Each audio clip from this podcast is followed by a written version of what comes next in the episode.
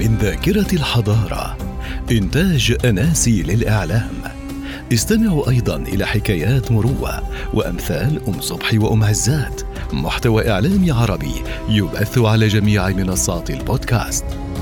السلام عليكم ورحمة الله وبركاته. مستمعينا الكرام في كل مكان تحية طيبة. معكم يوسف أسامة. سنتحدث من ذاكرة الحضارة في سلسلة المماليك. اليوم هنكون على موعد مع الحلقة رقم 14 بعنوان الحياة الاجتماعية في عصر دولة المماليك واللي إن شاء الله هنخصص نصها عن المرأة. لو بدأنا كلامنا بالمؤسسات الاجتماعية اللي كانت موجودة في عصر سلاطين المماليك زي الأزبلة والحمامات والبيمارستانات اللي هي المستشفيات ومغاسل الموتى وغيرها. اهتم سلاطين المماليك وأمرائهم بإنشاء الأزبلة مثلا في مختلف المواضع وشوارع القاهرة الرئيسية. وكانت العادة أن يلحق السبيل بأحد المساجد أو المدارس. وفي الغالب بيبقى فوقه كتاب ووقفوا عليها أوقاف كتيرة علشان تأدي غرضها. والغرض من إنشاء السبيل هو تيسير الحصول على ماء الشرب سواء كان للناس أو الحيوانات. خصوصا وأن الحصول على الماء العذب في الوقت ده في العصر المملوكي كان من المهام الشاقة. لذلك أصبح تسبيل الماء العذب وتسهيل الحصول عليه من وجوه البر وأن الأمراء بيتنافسوا في كده. وبيعينوا على السبيل شخص كان معروف بالمزملاتي دي اللي بيتولى نقل الماء إلى السبيل وتسبيل الناس اللي ماشية في الشارع. واشترط فيه إن هو يكون ثقة وأمين وجميل الهيئة ونظيف الثياب وسليم البدن والجسد من العاهات وعنده قوة وشطارة ونهضة ومروءة. والصفات الخلقية اللي مشترطة فيه إن هو يسهل الشرب على الناس ويعاملهم بالحسنى وبالرفق. ندخل على موضوع تاني اللي هو موضوع الحمامات العامة. لأن الناس من مختلف الطبقات رجال ونساء كانوا عايزين يستحموا. وما كانتش بتوجد حمامات كبيرة إلا في قصور الأمراء أو السلاطين. وتنوعت الحمامات دي. منها اللي كان بيتخصص للرجال ومنها ما يخص النساء. ومنها اللي بيتفتح للرجالة وللنساء في يوم واحد. بس مش مع بعض طبعا.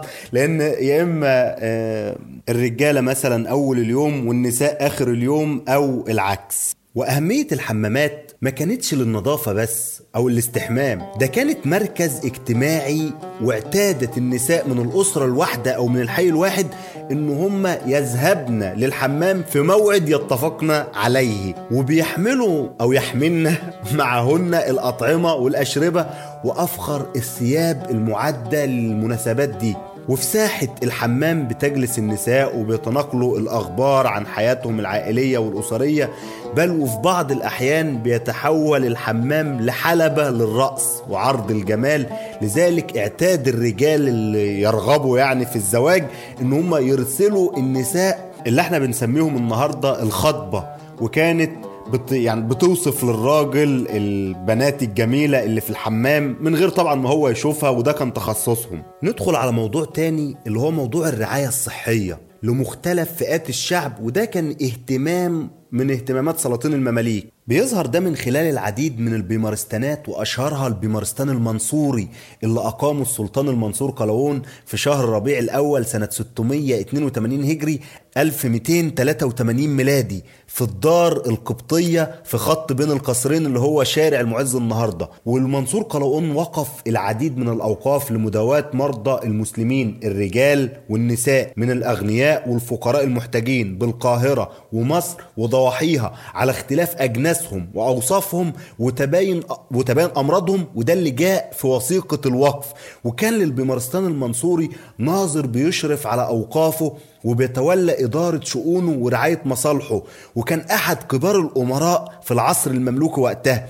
وشغل الوظيفة دي بعض المعممين اللي هم المشايخ اللي تتوافر فيهم الأمانة والعدل والأهلية والكفاءة لجانب برضو الأخلاق العالية والعلم الوفير حتى إن هم يقدروا يعني يستطيعوا القيام بالواجبات اللي عليهم ومسؤوليتها على أكمل وجه. المماليك برضو وجهوا عنايتهم للفقراء والمعدمين والأغراب خصوصا اللي بيموت منهم ومش هيلاقي اللي يكفنه ويدفنه. وعلشان الغرض ده بادروا لإنشاء مؤسسات كانت مهمتها تغسيل الموتى من الفقراء وتكفينهم ودفنهم بعد الصلاة عليهم وحبسوا عليها أوقاف كتيرة علشان أداء رسالتها. والمؤسسات دي معروفة باسم مغاسل الموتى النهارده. ومن أشهر الأوقاف على المؤسسات دي وقف اسمه وقف الطرحاء اللي هو الطريح يعني المتروك والمهمل واللي جعله السلطان الظاهر بيبرس برسم تغسيل الفقراء من الموتى. والمغاسل كانت بتقام في أطراف المدينة أو في خارج أبوابها علشان تبقى قريبة من القرافة اللي هي المدافن. ومن أشهرها في عصر سلاطين المماليك المغسل اللي أقامه الناصر محمد بن قلاوون بقرافة مصر في سنة 736 هجري 1336 ميلادي. ومغسل تاني أقامه الأمير يشبك من مهد الدوادار في سنة 873 هجري 1468 ميلادي على رقعة من الأرض كانت مجاورة لمدرسة السلطان حسن. وبرضه المغسل اللي أقامه السلطان الأشرف أبو النصر قنصوة الغوري في سنة 909 هجري 1503 ميلادي ووقف عليه العديد من الأوقاف. خلونا نروح لفاصل ونرجع تاني علشان نكمل حديثنا. خليكم معانا. بوابات الثقافة. بوابات الثقافة. أطلقت العديد من المؤسسات والمديريات الثقافية الجزائرية مبادرات للحفاظ على النشاط الثقافي عبر الإنترنت تماشيا مع الظروف التي تعيشها الجزائر كغيرها من دول العالم بفعل فترة التباعد الاجتماعي التي شهدها العالم بأسره. اختلفت المبادرات التي أطلقت للتعويض عن الصوم الثقافي المفروض هذا العام خاصة في شهر رمضان الذي كان يعرف انتعاشا فنيا من مسرح إلى غناء ولقاءات فكرية. وبولاية سوق أهراس شرق البلاد بادرت إدارتها الثقافية ببرمجة أنشطة فنية متنوعة على غرار عروض مسرحية افتراضية عبر مواقع التواصل الاجتماعي بهدف التكيف مع الوضع الذي فرضته جائحة فيروس كورونا. ونظمت هذه الفعاليات على مختلف شبكات التواصل الاجتماعي الخاصة بالمسرح الجهوي ودار الثقافة الطهر طار ومديرية الثقافة بالولاية نفسها. فمنذ الأيام الأولى لرمضان تم الشروع في تجسيد برنامج ثقافي وفني متنوع افتراضي. تحت شعار معارج الأرواح ومقامات الأفراح في رحاب رمضان. يتضمن عروضا فنية وموسيقية ومسرحية للكبار. وأخرى للصغار بالإضافة إلى عروض سينمائية على منصات التواصل الاجتماعي كذلك. أما بولاية البليده غرب العاصمة فقد نظمت سهرات الطبوع الغنائية الأصيلة كالشعبي والأندلسي والأناشيد الدينية والمديح إضافة إلى مسرحيات ومسابقة في الرسم والقصة القصيرة موجهة للأطفال بهدف حثهم على ولوج هذا المجال والتخفيف عنهم في فترة الحجر الصحي. كما فتح المركز الوطني لسينماتوغرافيا سينماتيك الجزائر مسابقة لأحسن أفيش سينمائي في إطار نشاطه الافتراضي الخاص بفترة الحجر المنزلي حيث خصصت المسابقة للأغلفة الأصلية التي يكون محورها حول فيلم جزائري أو عالمي. كما أطلق المركز نشاطات عديدة بالتعاون مع وزارة الثقافة منها نقاش واجتماع عبر الإنترنت. وعروض افتراضية منها أسبوع أفلام الهجرة إضافة إلى متابعة عروض أفلام خاصة بحي القصبة في السينما. خمسينية الأوسكار الجزائري. وسلسلة أفلام المخرج العالمي فرانسيس فورد كوبولا بمناسبة ميلاده الثمانين. ولم يحد المسرح عن المبادرات في الجزائر. فقد أعد المسرح الوطني عروضا مسرحية للكبار والأطفال.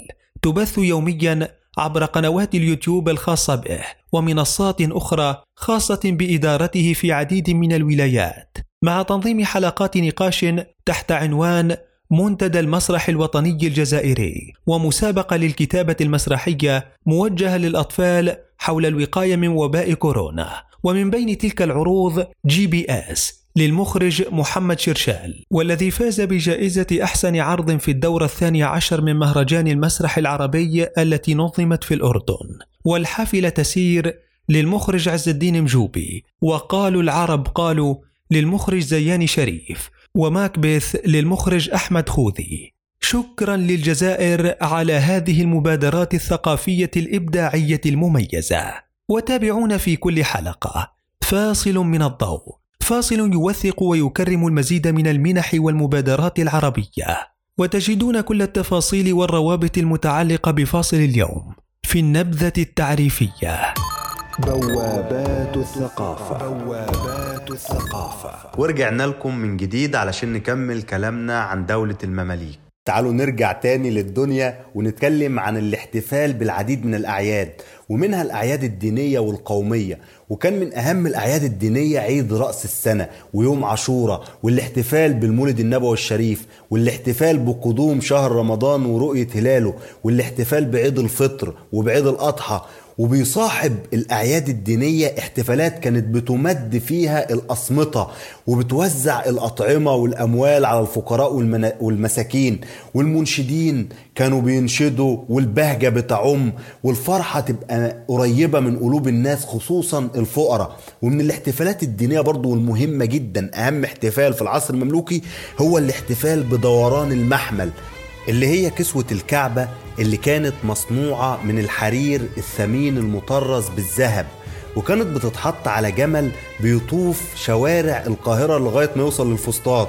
والناس كانت بتخرج للفرجة وكان أهم مكان بيتحط فيه هو ميدان الرميلة اللي هو النهاردة اسمه ميدان القلعة موجود قدام مدرسة السلطان حسن وجامع الرفاعي. وكانوا بيحرقوا حاجة كده زي النفط وبيعملوا صواريخ حاجات كده أشبه بالمولوتوف النهاردة. برضه من الاحتفالات الأخيرة اللي هنتكلم عنها الاحتفال بتولية أي سلطان جديد أو شفاء السلطان من مرض أو عودته سالم من سفر أو راجع منتصر من حرب.